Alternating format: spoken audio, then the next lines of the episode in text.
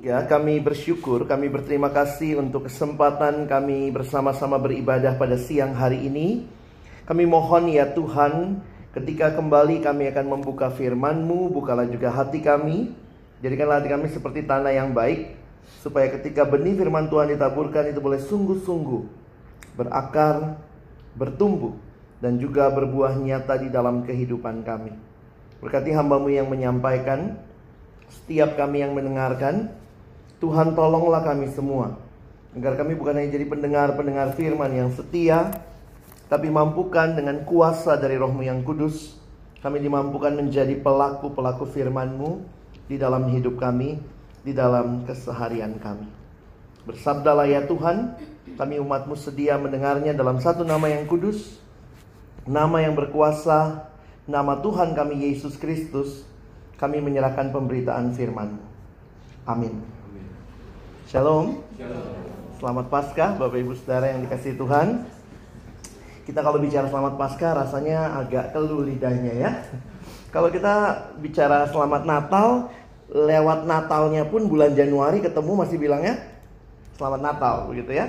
Padahal kalau kita melihat memang hal yang menarik di dalam kekristenan bahwa Paskah itu menjadi perayaan yang jauh lebih utama sebenarnya di dalam gereja ketimbang Natal. Gereja baru pada kira-kira abad keempat tahun 313 baru mulai merayakan Natal. Yang gereja rayakan sejak awal itu adalah Paskah. Ketika orang Kristen memilih pada akhirnya beribadah pada hari pertama minggu itu yang diperingati adalah Paskah, kebangkitan. Jadi kalau Bapak Ibu rajin gereja datang setiap minggu satu tahun 52 kali ngerayain Paskah karena itu peringatan akan kebangkitan Kristus. Jadi ini menarik untuk kita perhatikan bahwa Paskah menjadi sentral dalam kehidupan orang Kristen. Paulus bahkan berkata, jika Kristus tidak dibangkitkan maka sia-sialah pemberitaan Paulus, sia-sialah apa yang kita percaya. Semua pendiri agama punya hari kelahiran. Semua pendiri agama punya hari kematian. Tapi hanya Kristus yang punya hari kebangkitan. Karena itu uh, seorang hamba Tuhan Pendeta Dr. Stephen Tong mengatakan ketika Kristus bangkit itu justru satu hal yang berbeda. Semua pendiri agama kuburnya masih ada isinya. Karena itu hati pengikutnya pada kosong. Tapi Kristus kuburnya kosong karena itu kita para pengikutnya hati kita terisi karena dia hadir dan dia menyertai kita. Tapi nggak gampang saudara bicara kebangkitan.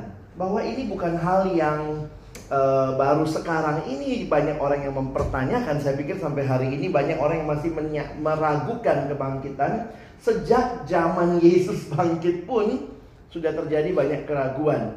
Nah tapi apa yang kita mau sama-sama pelajari hari ini saya mau ngajak kita melihat uh, kalau dua minggu yang lalu kita belajar tentang penderitaan Kristus. Nah hari ini kita mau melihat bagaimana kebangkitan Kristus. Bagian firman Tuhan yang akan kita renungkan, kita ambil dari Markus 16 ya. Bapak Ibu ayatnya cukup panjang ada 20 ayat. Mari kita baca bagian ini bergantian ya, pria dan wanita.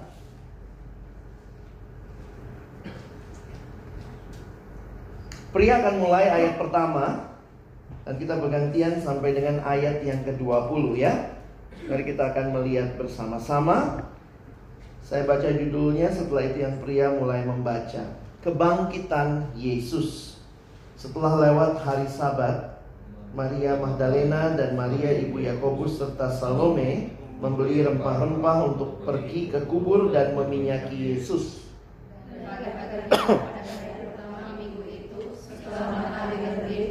Mereka berkata seorang kepada yang lain, siapa yang akan menggulingkan batu itu bagi kita dari pintu kubur?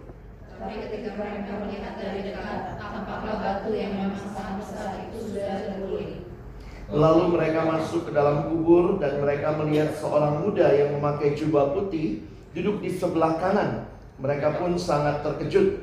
Tetapi orang muda itu berkata kepada mereka, Jangan takut, kamu mencari Yesus orang Nazaret yang disalibkan itu. Ia telah bangkit, Dia tidak ada di sini. Lihat, inilah tempat mereka membaringkan dia.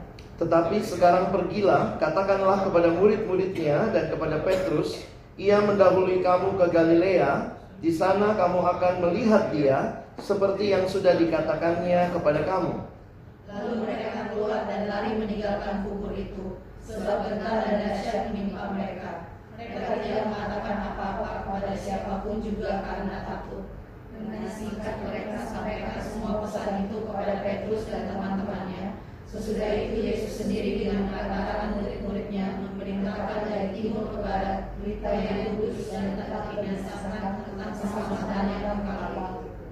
Setelah Yesus bangkit pagi-pagi pada hari pertama minggu itu, ia mula-mula menampakkan dirinya kepada Maria Magdalena.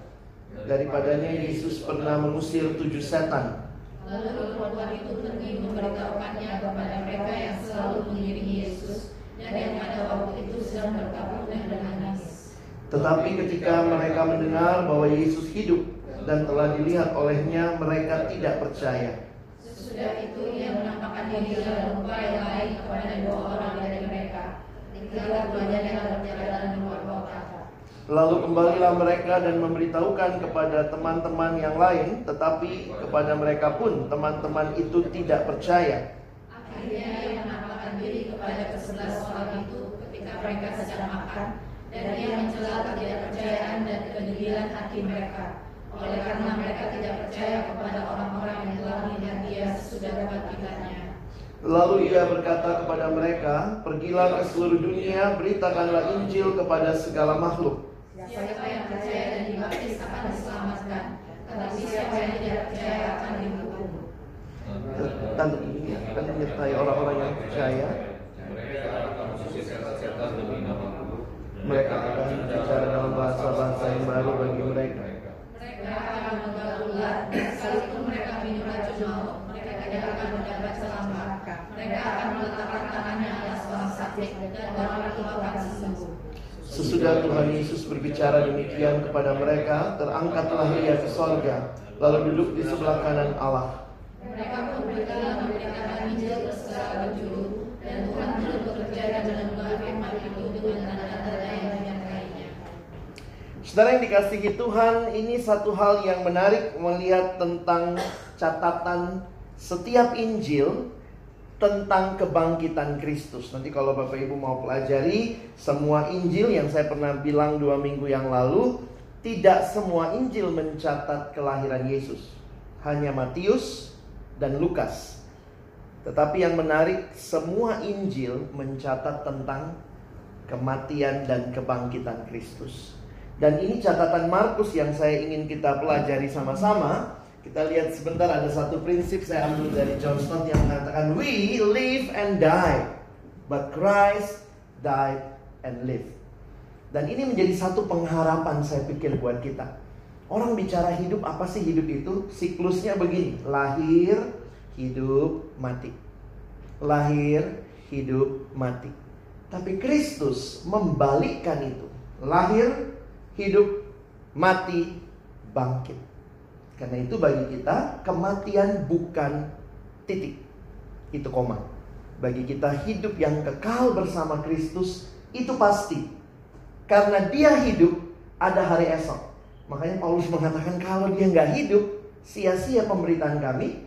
Karena pemberitaannya tentang hidup yang kekal. Dan yang pertama bangkit dan menikmati hidup yang kekal, dia Allah yang hidup, dia sudah melewati maut itu. Jadi Bapak Ibu, saya pikir kita yang percaya pada Kristus sekarang kita punya pengharapan. Tentu kematian itu menyedihkan bagi kita yang berpisah dengan orang yang kita kasihi. Tetapi kalau kita tahu dia ada dalam Kristus, maka kematian perpisahan sementara. Karena dia sedang kembali kepada Allah, dia akan menikmati bersama-sama dengan Allah selama-lamanya. Jadi ketika seorang teman ayahnya meninggal beberapa hari sebelum Jumat Agung kemarin dan ketika Paskah bicara selamat Paskah saya katakan juga bahwa justru karena Kristus bangkit maka papamu punya pengharapan karena dia juga anak Tuhannya meyakini ada kebangkitan dari antara orang mati. Kalau di gereja kita berdiri, pengakuan iman rasuli kita berkata percaya akan kebangkitan orang mati, ada yang bilang kebangkitan daging, ada yang bilang kebangkitan tubuh, tapi kita percaya bahwa kematian bukanlah titik, bukanlah akhir. Nah, ada beberapa hal yang saya ingin kita pahami, ada tiga hal sebenarnya hari ini yang saya ingin kita pelajari. Yang pertama, kita lihat dulu, kebangkitan Yesus adalah fakta historis. Bapak Ibu, ternyata di dalam sejarah, bahkan dari zaman Alkitab ditulis, jadi Yesus itu matinya kira-kira tahun 30-an ya, 33 begitu ya. Nah Injil itu beberapa mencatat ada Injil yang dicatat kira-kira tahun 60-an atau 50-an akhir ya. Jadi sebenarnya setelah 20 tahunan baru ada catatan Injil. Nah, dalam 20 tahun itu rumor yang berkembang apa? Oh, banyak sekali. Dan sampai hari ini rumor-rumor itu masih dipercaya ya. Jadi ini ya mirip kayak berita hoaxnya itu ya. Jadi karena belum dicatat, maka berita-berita yang berkembang sudah banyak. Nah, menarik sekali ketika para penulis Injil mencatat, mereka nampaknya punya satu kewajiban atau uh, moral obligation uh, ini ya untuk memberikan jawaban terhadap beberapa keraguan. Sehingga perhatikan di dalam semua fakta yang dituliskan dalam kitab Injil itu sangat terlihat jelas historicity. Jadi Yesus bangkit itu fakta historis. Injil yang paling awal diyakini adalah Injil Markus. Nah, lihat cara Markus mencatat kita bisa melihat beberapa hal. Pertama misalnya, ada yang meragukan, jadi Yesus dikatakan tidak bangkit. Teori mereka sebenarnya begini. Yesus itu cuma pingsan. Jadi kalau Yesus bangkit, harus mati dong baru bangkit. Nah, tetapi beberapa yang mengatakan pada waktu itu Yesus hanya pingsan. Nah, saudara, dua minggu yang lalu saya sudah jelaskan betapa ngerinya penyaliban itu dan prosesi yang mendahului penyaliban waktu lagi menuju ke tiang salib lalu kemudian dia harus disalib. Nggak mungkin orang cuma pingsan. Ini teorinya aneh banget begitu ya. Apa yang kita lihat ketika mulai ini mendahului penyaliban dia akan disesah istilah yang digunakan di Alkitab Mel Gibson menggambarkan Yesus yang paling hancur dari semua film Yesus yang pernah saya tonton ya. Tapi ini yang mungkin paling dekat dengan sejarah karena ini yang terjadi orang itu harus dibuat begitu menderita kehabisan darah yang banyak supaya waktu disalib tidak lama matinya kira-kira begitu ya. Lalu kemudian uh, dia memikul salib dan waktu itu di lambungnya ditusuk. Nah, mungkin itu yang banyak membuat orang merasa dia cuma pingsan karena Yesus baru disalib kira-kira 6 jam begitu kok udah mati. Padahal kebiasaannya pada waktu itu orang akan tergantung hidup-hidup sadar sampai mati pelan-pelan dua kemungkinan kehabisan darah atau kesulitan bernafas. Dan dua penjahat itu di samping kiri kanan Yesus nampaknya orang Yahudi Nah menjelang sabat dipastikan cepat mati makanya kakinya langsung dipatahkan. Tapi Yesus sudah mati duluan. Nah kalimat Alkitab menarik sebenarnya Yesus tidak tidak pasif terhadap kematian. Dia aktif. Yesus menyerahkan nyawanya. Nah jadi itu yang teori pertama. Jadi kalau lihat penyaliban nggak mungkin lah cuma pingsan pingsan terus nanti dalam dalam apa di dalam kubur ya aduh udah sehat lagi bangkit begitu ya. Jadi orang-orang ini menolak Yesus mati. Yesus hanya pingsan. Nah ini teori yang lain yang juga sampai hari ini masih banyak di di ini sama orang gitu ya bahwa murid Yesus men mencuri jenazahnya. Nah ini dijawab sama Matius. Matius sebenarnya dalam catatannya Bapak Ibu perhatikan ya. Matius 28 Nanti Bapak Ibu bisa baca ceritanya. Nah ini, dan sesudah berunding dengan tua-tua mereka mengambil keputusan lalu memberikan sejumlah besar uang kepada serdadu-serdadu itu. Karena serdadu itu yang jaga di situ mereka tiba-tiba batu terguling gitu ya kuburnya sudah kosong dan ini yang mereka bilang kamu harus mengatakan jadi ini suap menyuap dari zaman dulu ya Kamu harus mengatakan bahwa murid-muridnya datang malam-malam dan mencurinya ketika kamu sedang tidur. Nah ini logikanya dari mana? Ini prajurit Romawi loh. Maaf bukan tentara kita ya. Ya mungkin tidur, kira-kira begitu. Prajurit Romawi sampai ketiduran itu kebangetan. Mereka orang-orang yang memang dilatih dengan peperangan yang begitu luar biasa sehingga lihat kalau mereka dibilang tidur maka mungkin akan trouble. Dan apabila hal ini kedengaran oleh wali negeri, kamu ketiduran, which is nonsense, kami akan berbicara dengan dia sehingga kamu tidak beroleh kesulitan apa-apa. Ini cara Matius mencatat.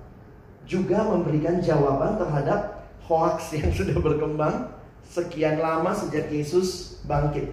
Mereka menerima uang itu dan berbuat seperti yang dipesankan kepada mereka. Dan cerita ini tersiar di antara orang Yahudi sampai sekarang. Sekarangnya kapan? Waktu Injil Matius dicatat. Injil Matius kemudian setelah Injil Markus ya. Nah ini teori yang kedua yang tidak yakin Yesus uh, bangkit. Teori yang ketiga, nah ini unik ya. Perempuannya datang ke kubur yang salah. Cewek dari dulu katanya GPS-nya memang rada ini ya. Itu bukan baru sekarang tuh. Jadi ini ganti teori salah kubur. Ada juga tuh teori salah kubur. Apalagi cewek baru sekali ke sana kan nggak ingat gitu ya. Saya punya temen juga gitu ya. Apalagi biasanya cara ingatnya suka aneh gitu. Teman saya gitu, iya rumahnya deket sini. Dulu ada mie ayam. Mie ayam gerobak. Ya kalau gerobaknya didorong ya pindah gitu. Jadi memang caranya katanya cewek suka gitu ya. Maaf ya ibu-ibu ya.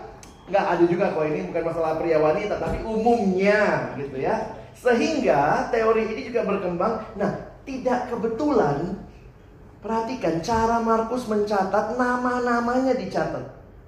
Kalau satu orang salah kubur logis lah. Tapi lihat namanya ya. Nah pada waktu itu memang nama nama utama tuh Maria ya. Nama-nama apa nama tenar pada waktu itu ya. Jadi tinggal Maria siapa gitu ya. Maria Magdalena Ya, ada juga beberapa perempuan yang mulai dari jauh di antaranya Maria Magdalena, Maria ibu Yakobus muda dan Yoses serta Salome. Mereka semuanya telah mengikuti Yesus dan lainnya pada waktu di Galilea. Dan ada juga di situ banyak perempuan lain yang telah datang ke Yerusalem bersama-sama dengan Yesus. Kenapa? Menarik sekali perhatikan di Markus 15 nama perempuannya dicatat, lalu ini diulang di Markus 16.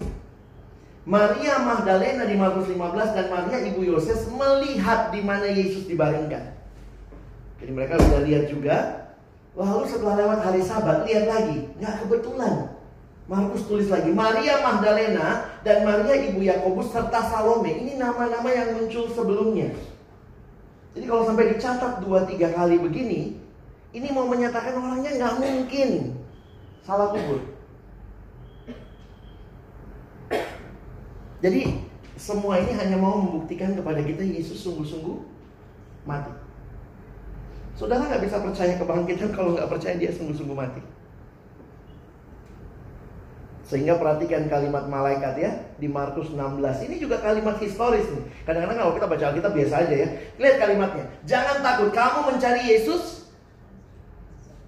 Emangnya nama Yesus cuma Yesus sendiri zaman itu? Ini nama umum Bapak Ibu. Makanya malaikat bilang, yang kamu cari Yesus orang Nazaret. Misalnya gitu ya, ada, ada banyak Pak Hendra di dunia, tapi ini Pak Hendra Cipta Dana misalnya. Pak Markus Cipta Dana atau Ibu Catherine Cipta Dana, jelas tuh.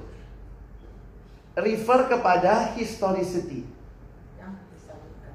Yang disalibkan itu. Ia telah bangkit, tidak ada di sini. Lihat ini tempat mereka membaringkan dia. Jadi kalau kita lihat cara mencatatnya, kita melihat bahwa penulis kitab Injil pun memberikan kepada kita pemahaman sehingga kita harus meyakini hanya Good Friday hanya menjadi good because Easter morning. Kalau nggak ada Easter Sunday itu bukan Good Friday. Itu hari Jumat paling kelabu sepanjang zaman. Ada yang mati mikir dirinya juru selamat dan nggak pernah bangkit. Ya. Tapi karena ada minggu Paskah, maka Jumat itu jadi Jumat yang agung. Dan ini satu penghayatan kita ya. Tanpa kebangkitan, salib tidak ada artinya. Kenapa? Jangan lupa Bapak Ibu. Yesus bukan satu-satunya orang yang disalib. Banyak orang yang disalib. Tapi semua yang disalib itu nggak ada yang bangkit. Kebangkitan memberikan kepada kita jaminan. Jesus said, I'm the resurrection and his risen life. Itu yang mengubah segalanya. Nah ini fakta yang pertama yang saya ingin kita pahami dari bacaan kita. Yang kedua, fakta kedua, kebangkitan Yesus menegaskan kemenangannya di kayu salib. Secara dok doktrin Kristen, kita suka tidak memahami seutuhnya. Kita pikirnya begini. Waktu dia mati, dia kalah. Lalu waktu bangkit, dia menang. Itu tidak Alkitabiah. Kenapa? Karena kematiannya itulah kemenangannya. Perhatikan kalimat Paulus dalam Kolose. Tidak usah semua kita baca, lihat saja yang saya tulis di sini. Dan itu ditiadakannya dengan memakukannya pada kayu salib. Apa yang terjadi di kayu salib? Iya, Yesus telah melucuti pemerintah-pemerintah dan penguasa-penguasa dan menjadikan mereka tontonan umum dalam kemenangannya atas mereka. Kalau kita mengerti doktrin Kristen yang tepat, maka kita jangan berpikir Yesus kalah dulu baru menang. Bukan. Dia justru menangnya di kayu salib. Karena itu seorang teolog bernama John Stott dia mengatakan begini, we are not to regard the cross as defeat and the resurrection as victory. Bukan begitu cara lihatnya. Saya juga waktu baru waktu baca baru ngeh gitu ya, karena kayaknya diajarin dari dulu Yesus itu kalah di kayu salib begitu ya. Ini nih yang yang sebenarnya. Rather the cross was the victory won and the resurrection the victory endorsed. The victory endorsed, proclaimed, and demonstrated. Jadi betul dia menang. Dia sudah menang. Kebangkitan yang menyatakan Allah membangkitkan dia bahwa memang benar ini yang bisa menanggung semua dosa manusia. Bayangkan sepanjang zaman semua korban mati. Itu digambarkan dengan korban hewan-hewan itu disembeli darahnya tercurah mati, darahnya tercurah mati. Karena itu kitab Ibrani nulis begini. Ini logikanya menarik. Kalau semua itu bisa menghapus dosa, harusnya nggak usah persembahkan lagi. Kan udah diselesaikan dosanya. Tapi karena tidak bisa menghapus dosa, maka semua yang mati besok bawa lagi untuk hapuskan dosa besok lagi, besok bawa lagi. Nah, ketika Kristus mati,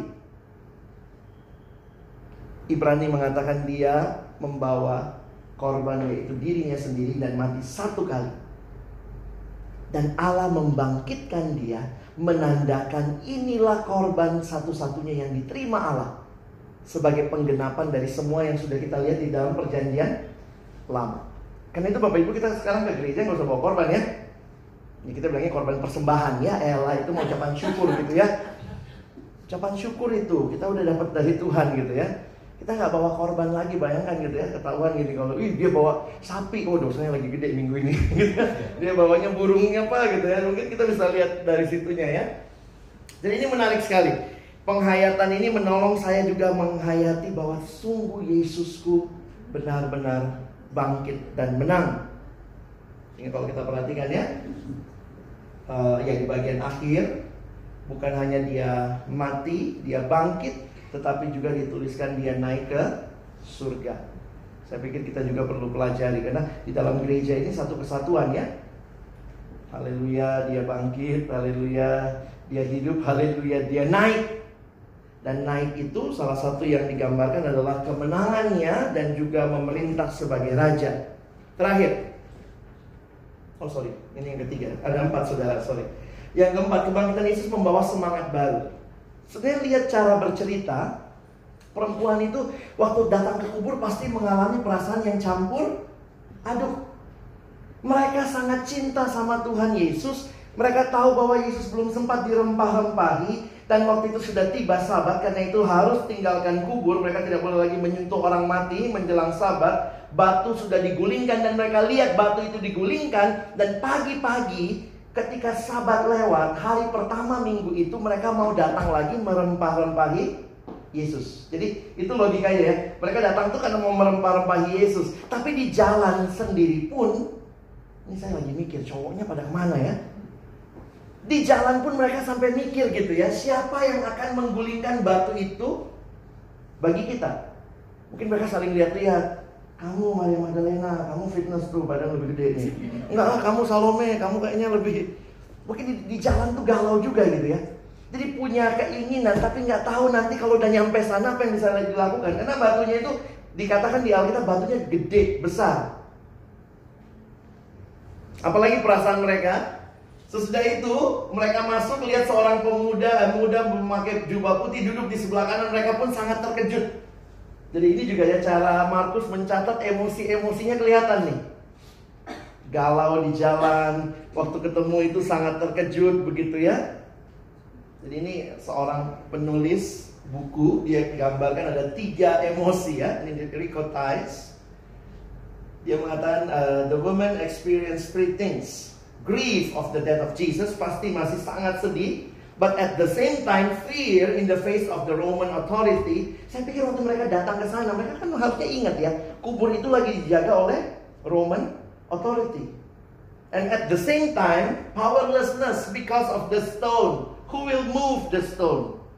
Siapa yang akan menggulingkan batu itu? Eh, sesudah sampai di kubur, Pulangnya pun waktu malaikat bilang begitu, ini perasaannya campur aduk nih. Ini unik juga nih ya. Ditulis gentar, dahsyat, takut. Kelop lah ya. Mungkin kita bilang ya perempuan sih begitu ya. Emosional. Tapi cara Markus mencatat lucu saudara ya. Alkitab tuh ada ada parodinya juga ya. Cowoknya ngapain? Ini cowoknya nih sedang berkabung dan menangis. Cemen amat ya.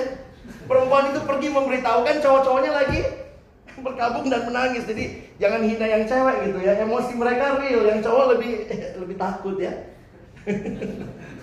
dan dicatatnya dua kali Bapak Ibu ya. Ini dalam catatan. Lalu perempuan itu pergi memberitahukan kepada mereka selalu mengiringi Yesus dan yang pada waktu itu sedang berkabung dan menangis. Nah perhatikan respon mereka tidak percaya. Ini kan lucu banget ya. Dan ini ini ini maksud saya yang ditulis dua sampai dua kali. Mereka tidak percaya. Dan memang pada waktu itu kesaksian wanita dalam budaya patrilineal yang sangat kuat, kesaksian wanita tidak tidak dianggap. Jadi memang itu ya, Tuhan Yesus ini surprisesnya banyak. Waktu lahir gembala Gembala juga orang yang kesaksiannya tidak didengar. Jadi ada tiga kelompok yang tidak didengar pada waktu itu kesaksian, kesaksiannya ya. Wanita, gembala, sama orang-orang yang dianggap orang berdosa gitu ya dalam masyarakat. Eh bangkitnya dia tunjukin dulunya ke wanita. Tidak percaya. Nah perhatikan sesudah itu ia menampakkan diri dalam rupa yang lain kepada dua orang dari mereka. Ini dua murid kemungkinan ini adalah peristiwa di perjalanan ke Emmaus. Itu pun mereka tidak percaya. Sehingga kalau Bapak Ibu perhatikan apa yang terjadi nih. Waktu Yesus ketemu mereka, Yesus mencela ketidakpercayaan mereka. Itu menarik di Alkitab ditulis. Akhirnya ia menampakkan diri kepada kesebelas orang itu ketika mereka sedang makan dan ia mencela ketidakpercayaan dan kedegilan hati mereka. Oleh karena mereka tidak percaya kepada orang-orang yang telah melihat dia. Siapa itu?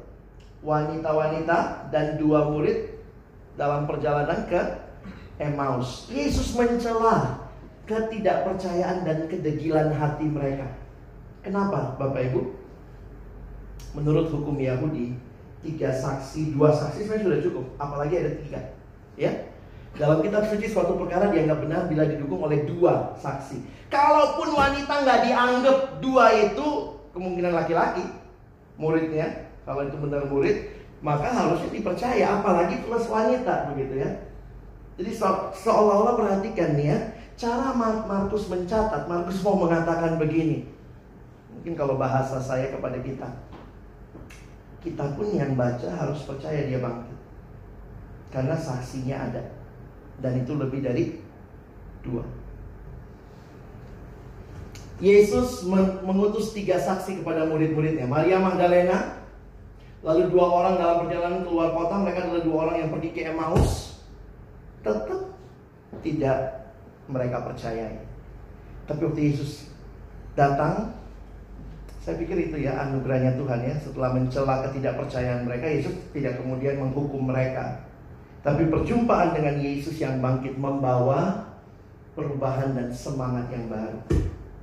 Ada perubahan, ada sesuatu yang berbeda. Sehingga Bapak Ibu bisa perhatikan ya, ini kalimat dari Joseph dia mengatakan, perhaps the transformation of the disciples in is the greatest evidence of all for the resurrection. Bapak Ibu lihat, mereka orang yang paling penakut menurut versi sebelum Yesus bangkit. Habis Yesus bangkit, kalau kita baca kisah Rasul, kita kaget. Ini orang yang sama nih. Petrus yang penakut, tahu-tahu harus bisa dan dia bisa berkhotbah di depan 3000 orang. Bahkan waktu nyawa mereka harus jadi ancaman, bahkan sampai Yakobus dicatat mati. Saya pikir ini menarik sekali ya. Kebangkitan itu terjadi bukan hanya fakta sejarah, tetapi di dalam diri setiap murid ada perlu perubahan. Saya harap kita alami dua hal ini ya. Bukan hanya Yesus bangkit fakta sejarah, tapi juga kita alami. Sebab dia hidup, saya punya pengharapan, saya punya hari esok. Jangan apa-apa galau, apa-apa galau Bapak Ibu ya. Tapi ada jalan keluar, ada pengharapan.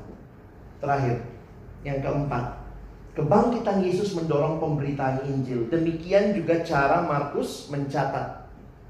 Markus 16 bagian bawah pergilah ke seluruh dunia beritakanlah Injil kepada semua makhluk. Ada tanda-tanda yang Tuhan berikan menyertai apa yang akan mereka lakukan. Perhatikan di akhir Markus 16. Ini paling akhir ya. Sesudah Yesus berbicara terangkatlah ke surga, lalu mereka pun memberitakan Injil ke segala penjuru. Bapak Ibu, ini jadi satu hal yang saya ingin kita berhenti sampai sini gitu ya untuk kita pikirkan bagaimana dengan kita. Ada empat hal yang kita sudah pelajari. Kalau kebangkitan Yesus bukanlah suatu kebohongan, tapi sebuah fakta sejarah, what should be our response? Percayalah.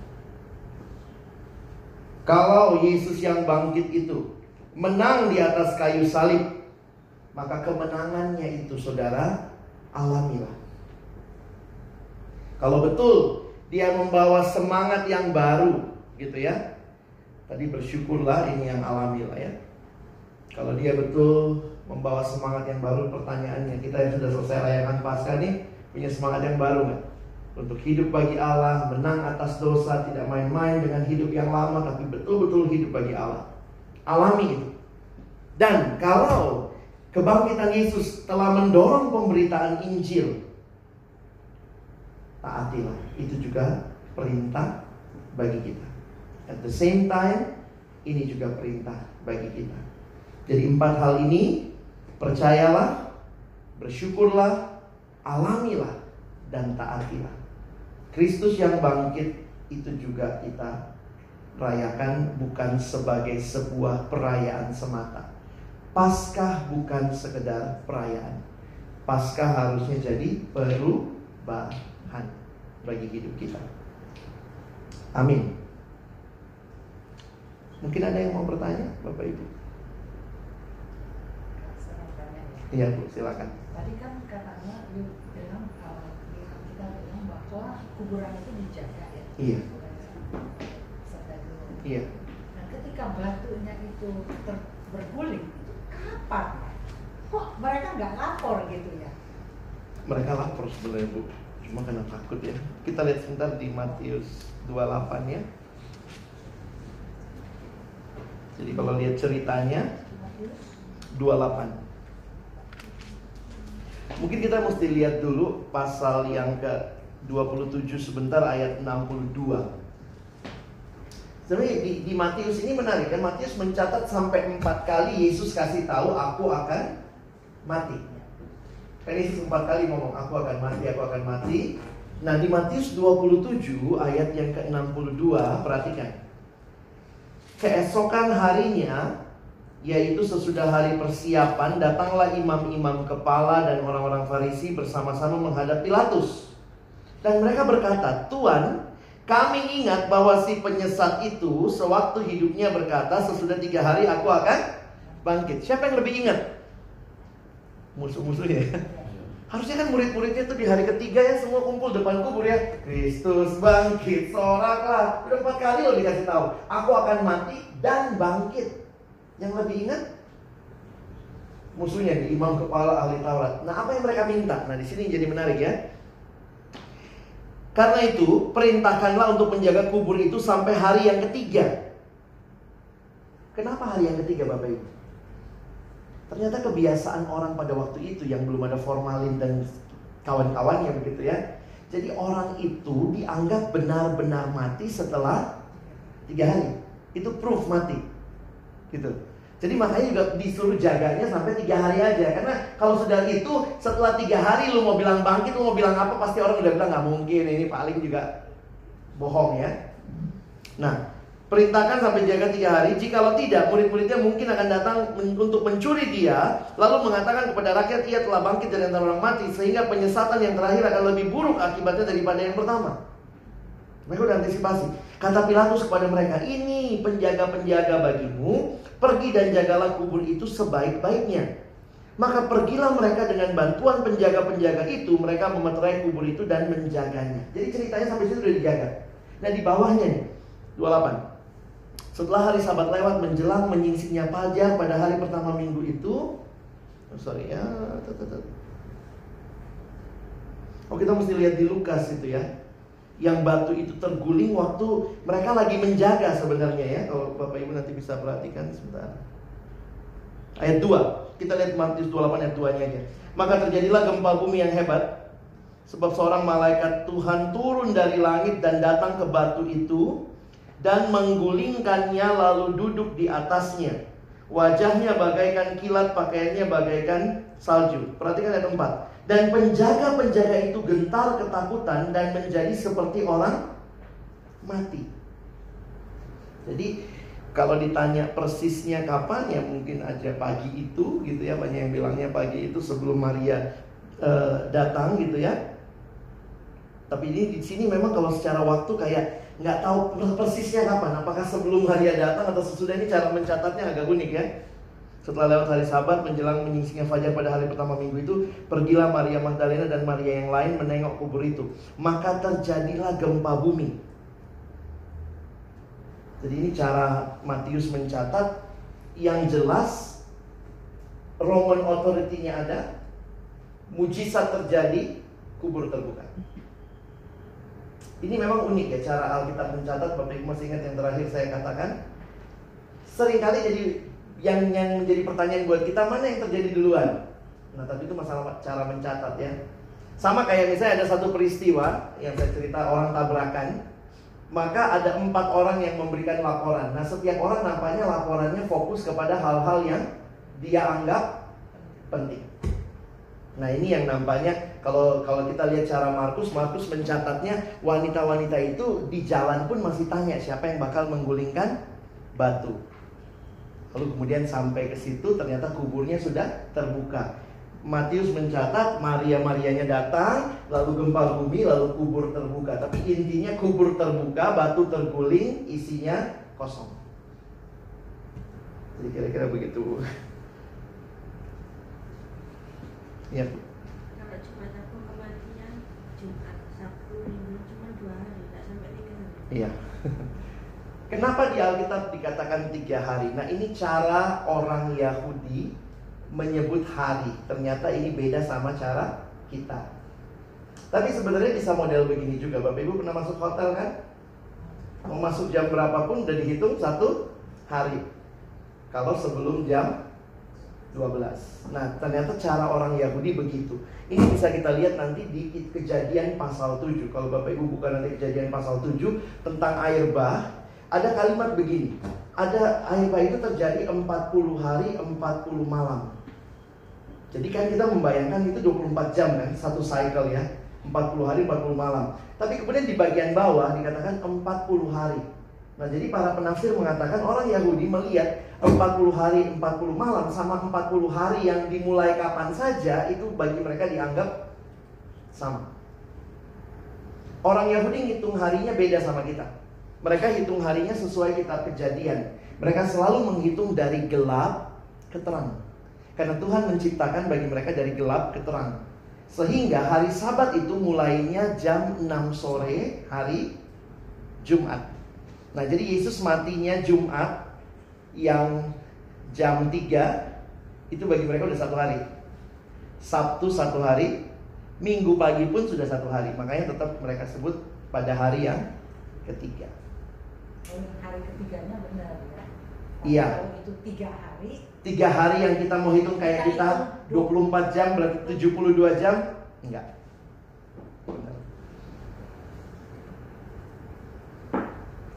Kadang-kadang kita kan membaca kisah mereka dalam kacamata mereka ya, karena mereka yang mereka pakai bahasanya orang Yahudi pada waktu itu. Ada lagi mungkin Bapak Ibu? Kenapa perginya pagi? Pagi, Senin pagi ya? Iya. Nggak minggu sore. Kan udah lewat hari Sabat.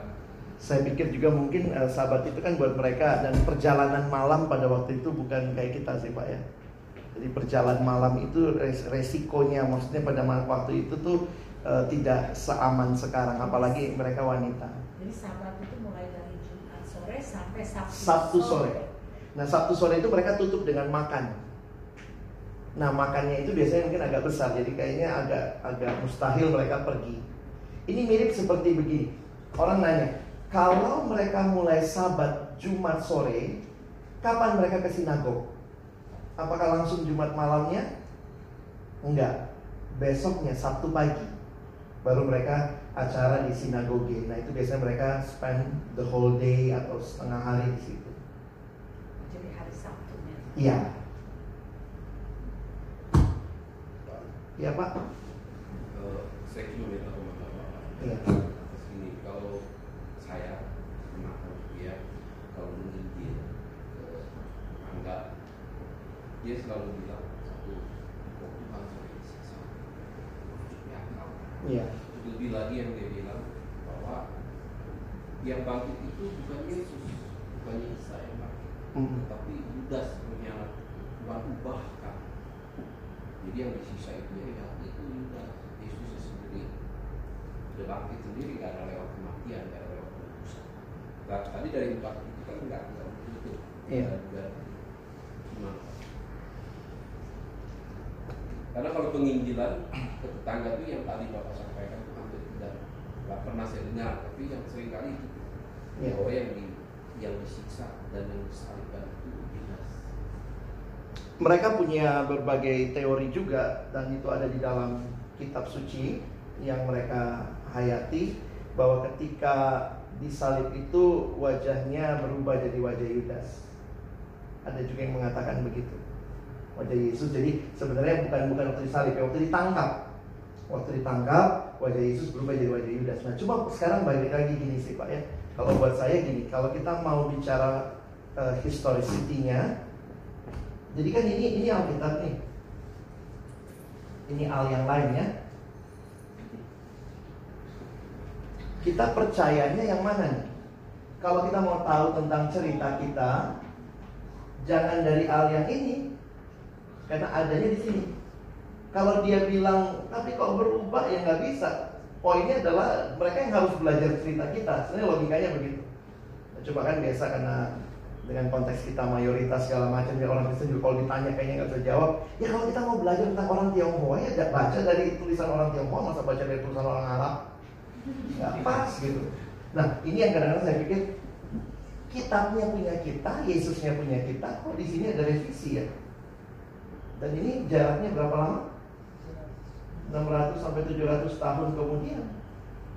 Apa Tuhan kelamaan ngasih revisi? Salah, ternyata nggak ini gitu. Nah, dan kita juga melihatnya Yudas menyerahkan Yesus itu jelas Yudas nyium Yesus. Bukan ciuman terus balik wajahnya berubah gitu ya.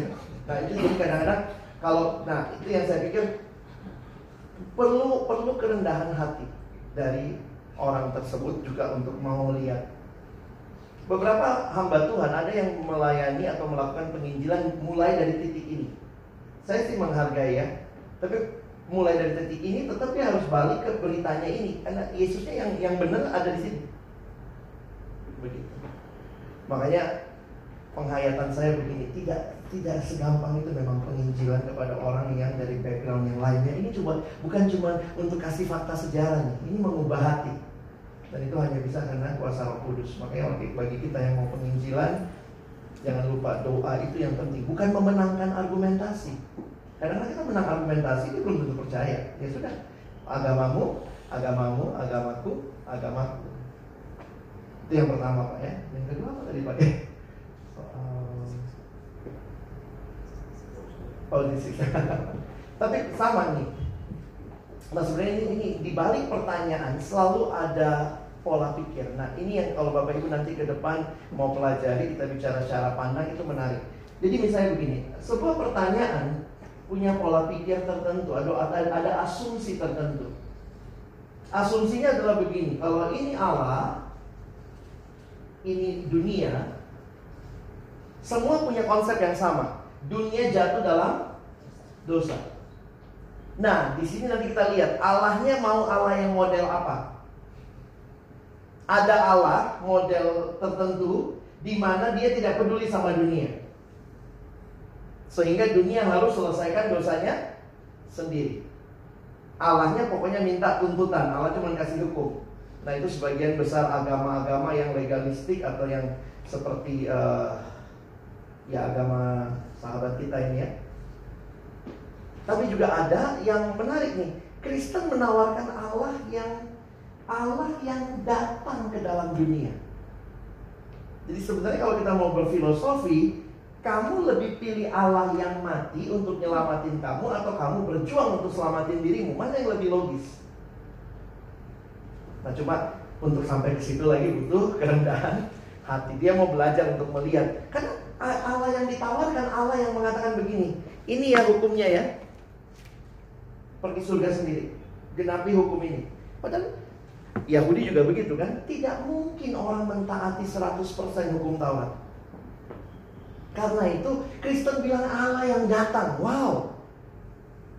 Karena dia datang maka dia mengambil rupa seorang manusia. Karena dia jadi manusia dia bisa mati. Tapi untuk menyelamatkan dia harus hidup. Karena itu dia harus Allah. Karena Allah ini bisa atau Allah ini sumber hidup. Ini kalau dalam teologi agak unik ya memang. Kenapa mesti jadi Allah dan manusia? Karena kalau Allah saja dia nggak mungkin mati. Sementara yang mau diselamatkan manusia. Kalau dia datang jadi manusia hanya bisa mati, dia harus harus Allah. Karena itu kekristenan melihat Allah yang jadi manusia. Yesus itu Allah yang jadi manusia. Di dalam dirinya itu menyatu. Satu pribadi ada dua natur. Tapi natur ini tidak bercampur kata doktrin tapi bisa dibedakan. Nah hal-hal seperti ini yang kalau kita ketemu saudara-saudara sepupu kita kadang sulit menjelaskannya Pak. Tapi jangan ikut diskusinya, tapi mungkin baca di baliknya. Jadi kayak kita menghargai iya ya. Saya juga saya juga tadinya berpikir saya bisa loh. Uh, kita hargai pendapat mereka. Kita dong berbuat baik biar selamat. Wih hebat banget ya. Saya juga udah coba. Tapi ternyata saya nggak bisa, nggak sanggup, nggak tahan, nggak berdosa. Karena itu realita itu membuat saya sadar saya butuh juru selamat. Karena bukan saya penyelamatnya. Nah pihak ketiganya di dalam ajaran kita kami Allahnya yang datang ke dalam dunia. Oh kalau kami nggak bisa, nggak bisa Allah jadi manusia. Oh gitu, kalau kami bisa. Berarti itu bukan Allah dong. Oh enggak, dia Allah jadi manusia, jadi Allah plus. Karena mereka selalu melihatnya kalau Allah jadi manusia, Allah minus. Enggak, Allah jadi manusia. Semua Allah yang lain yang diperkenalkan agama, cuma Allah, enggak pernah jadi manusia. Beberapa agama lain malah manusianya mau jadi Allah, gila kan? Kita bersyukur ada Allah yang ikut merasakan penderitaan kita. Sehingga ada yang bertanya, di mana Allah waktu Sri Lanka dibom? Kalau kita menghayati dia Allah yang adalah manusia, dia ada di sana menangis. Tapi dia punya kuasa. Jadi kadang-kadang kita melihatnya, itu suka pertanyaan begitu. Kalau betul ada Allah, kenapa ada penderitaan? Allah Kristen bukan Allah yang rentan terhadap penderitaan. Dia sendiri telah menderita. Dan dia datang. Dia mau mengatakan, saya ada. Saya pernah rasa penderitaan. Kehilangan anak, kehilangan orang tua, kehilangan teman, dikhianati, saya pernah rasain. Allah yang lain gak pernah. Nongkrong di surga nunggu kita datang nggak pernah bisa nah Allahnya Kristen ini beda beda world view sih itu susah ya untuk susah tapi dalam diskusi kalau orangnya terbuka saya lihat orang kayak Raffi Sakaraya gitu ya Raffi, terus kemudian eh, beberapa ini ya. Mereka mereka bicara dari hati ke hati tentang worldview. Dan yang saya lihat ini ini caranya dia ya, yang jangan menyalahkan agama orang. Itu caranya dia. Tapi kita appreciate. I really appreciate the way of salvation in your in your religion. I've tried the whole life, but I realize itu nggak akan pernah bisa. Dan bersyukur kekristenan dengan buku yang utama Alkitab menyatakan Allahnya yang datang. You want to try my Jesus? Jadi sebenarnya kita kita sebenarnya harus membuat orang jadi iya ya agama kok nggak bisa ya. Agama dia kok bisa tapi kayaknya menyangkal ini. Oh oke. Nah di situ kita doa kerendahan hati untuk belajar juga. Kayak bahaya juga ya kalau kita nggak terlalu kenal dengan pengajaran Tuhan lalu kita coba-coba untuk berdebat dengan mereka juga harus hati-hati think jauh lebih ba- lebih baik ya kita mulai dari apa yang kita pahami dan apa yang kita pahami ya itu Iya Pak.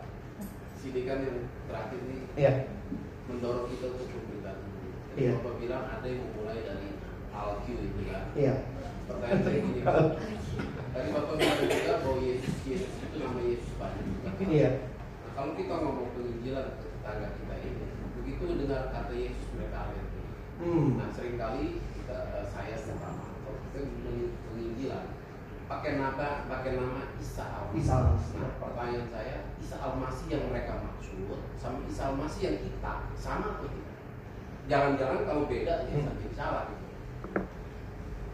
kadang bisa begini sih Pak saya ngelihatnya misalnya ya Al-Masih ini kan artinya Mesias Jesus Messiah jadi sebenarnya dari kalimat ini mereka udah ngakuin Yesus Mesias Al-Masih Al Scott ya. Yes. Jadi Al-Masih ini kan eh, penghayatan mereka Mesias. Nah, di dalam Alkitab ada contoh ketika murid-murid Yesus eh, Yesus tanya, "Menurut kamu siapa aku?" Eh menurut orang banyak dulu ya, siapa aku? Lalu yang kedua, "Menurut kamu siapa aku?" Lalu kemudian mereka jawab kan? Petrus yang jawab, "Kamu engkau adalah Mesias dari Allah." Nah, jawaban Petrus benar? Benar. Secara etimologi. Secara katanya benar Mesias. Tapi kalimat di bawahnya tuh, Yesus bilang jangan kasih tahu sama siapa siapa. Nah, waktu saya coba selidiki, jawaban Petrus benar nih. Tapi jangan kasih tahu sama siapa-siapa karena ternyata pada waktu itu Petrus sendiri masih menghayati Mesias itu harus Mesias yang menang politis. Jadi Yesus bilang jawabannya benar, tapi pengertianmu salah. Kira-kira begitu. Karena itu Yesus bilang jangan beritakan dulu. Nah, kalau ditanya begini juga ini tricky pertanyaannya. Sama nggak Yesus Al-Masihnya sama Al-Masihku yang kita percaya? Nah, itu dalam dalam perdebatan antar agama hati-hati menjawabnya. Kalau saya lebih bisa ya, bisa tidak. Dari sisi mana nih lihatnya? Kalau kamu bilang Al-Masih itu Yesus, itu kan katamu.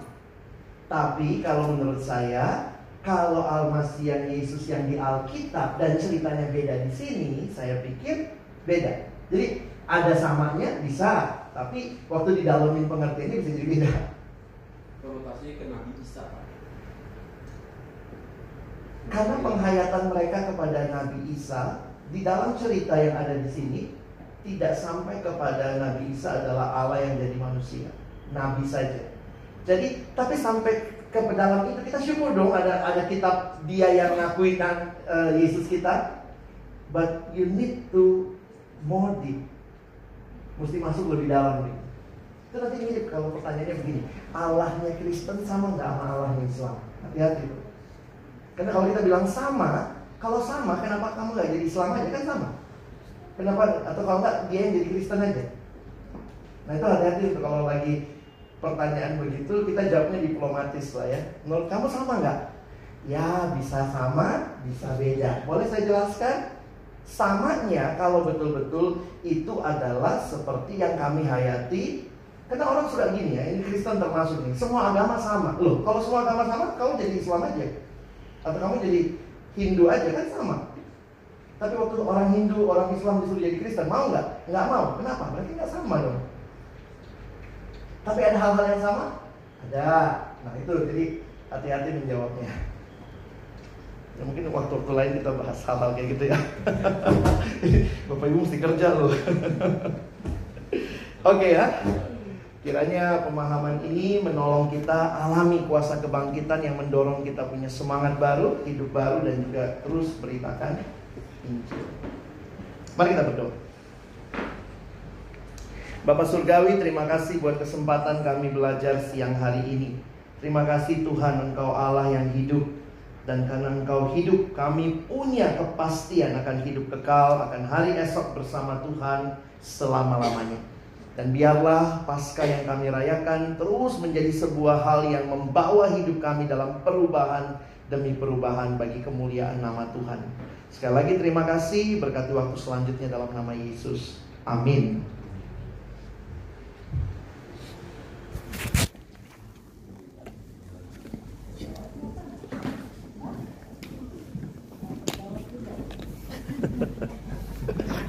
Nanti diskusi lagi.